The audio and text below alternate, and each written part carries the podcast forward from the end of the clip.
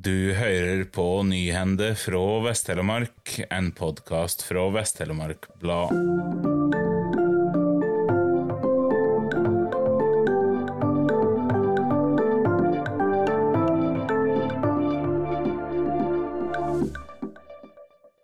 Det interkommunale skadefellingslaget for Vest-Telemark har fått et statlig tilskudd på 400 000 kroner som skal gå til å legge til rette for framtidige oppdrag. Fyresdal kommune, som er vertskommune for det interkommunale fellingslaget for kommunene Nissedal, Kviteseid, Seljord, Tokke og Vinje, og Fyresdal, søkte Statsforvalteren i Vestfold og Telemark om 541 000 kroner til tilrettelegging for framtidig skadefellingsoppdrag. Fellingslaget trenger oppgradering av teknisk utstyr og kompetanseheving. Dette vil bidra til mer effektiv felling av skadegjørende rovvilt, står det i søknaden. Det om lag 700 meter lange dårlige veistrekket fra Vallerbroi og fram til telebygget i Seljord skal bli bytta ut.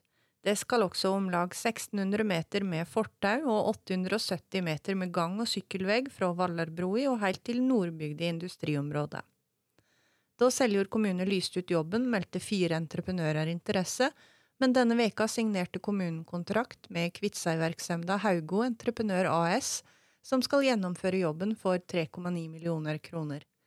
Kommunalsjef for samfunnsutvikling og drift, Ole Jonny Flatland, sier at Haugo Entreprenør hadde det beste tilbudet, og legger til at arbeidet trolig starter alt neste veke. Torsdag ettermiddag fikk Jostein Reiten et svært uvanlig besøk på verandaen sin på Sundet i Kviteseid. En gaupunge gikk ute på verandaen, og Reiten rakk å fotografere det vesle rovdyret før det rusla ut og satte seg på svingbrøda ei stund. Espen Marker i Statens naturoppsyn sier til VTB at gaupungen kan ha blitt sett igjen av mor medan hun er ute og jakter, og da kan de undersøke området de blir sett att i. Gaupunger kan i slike tilfeller være helt alene i flere dager, opplyser Marker. Tusen takk for at du hørte på. Denne sendinga var produsert og presentert av Tone Tveit for Vest-Telemark Blad.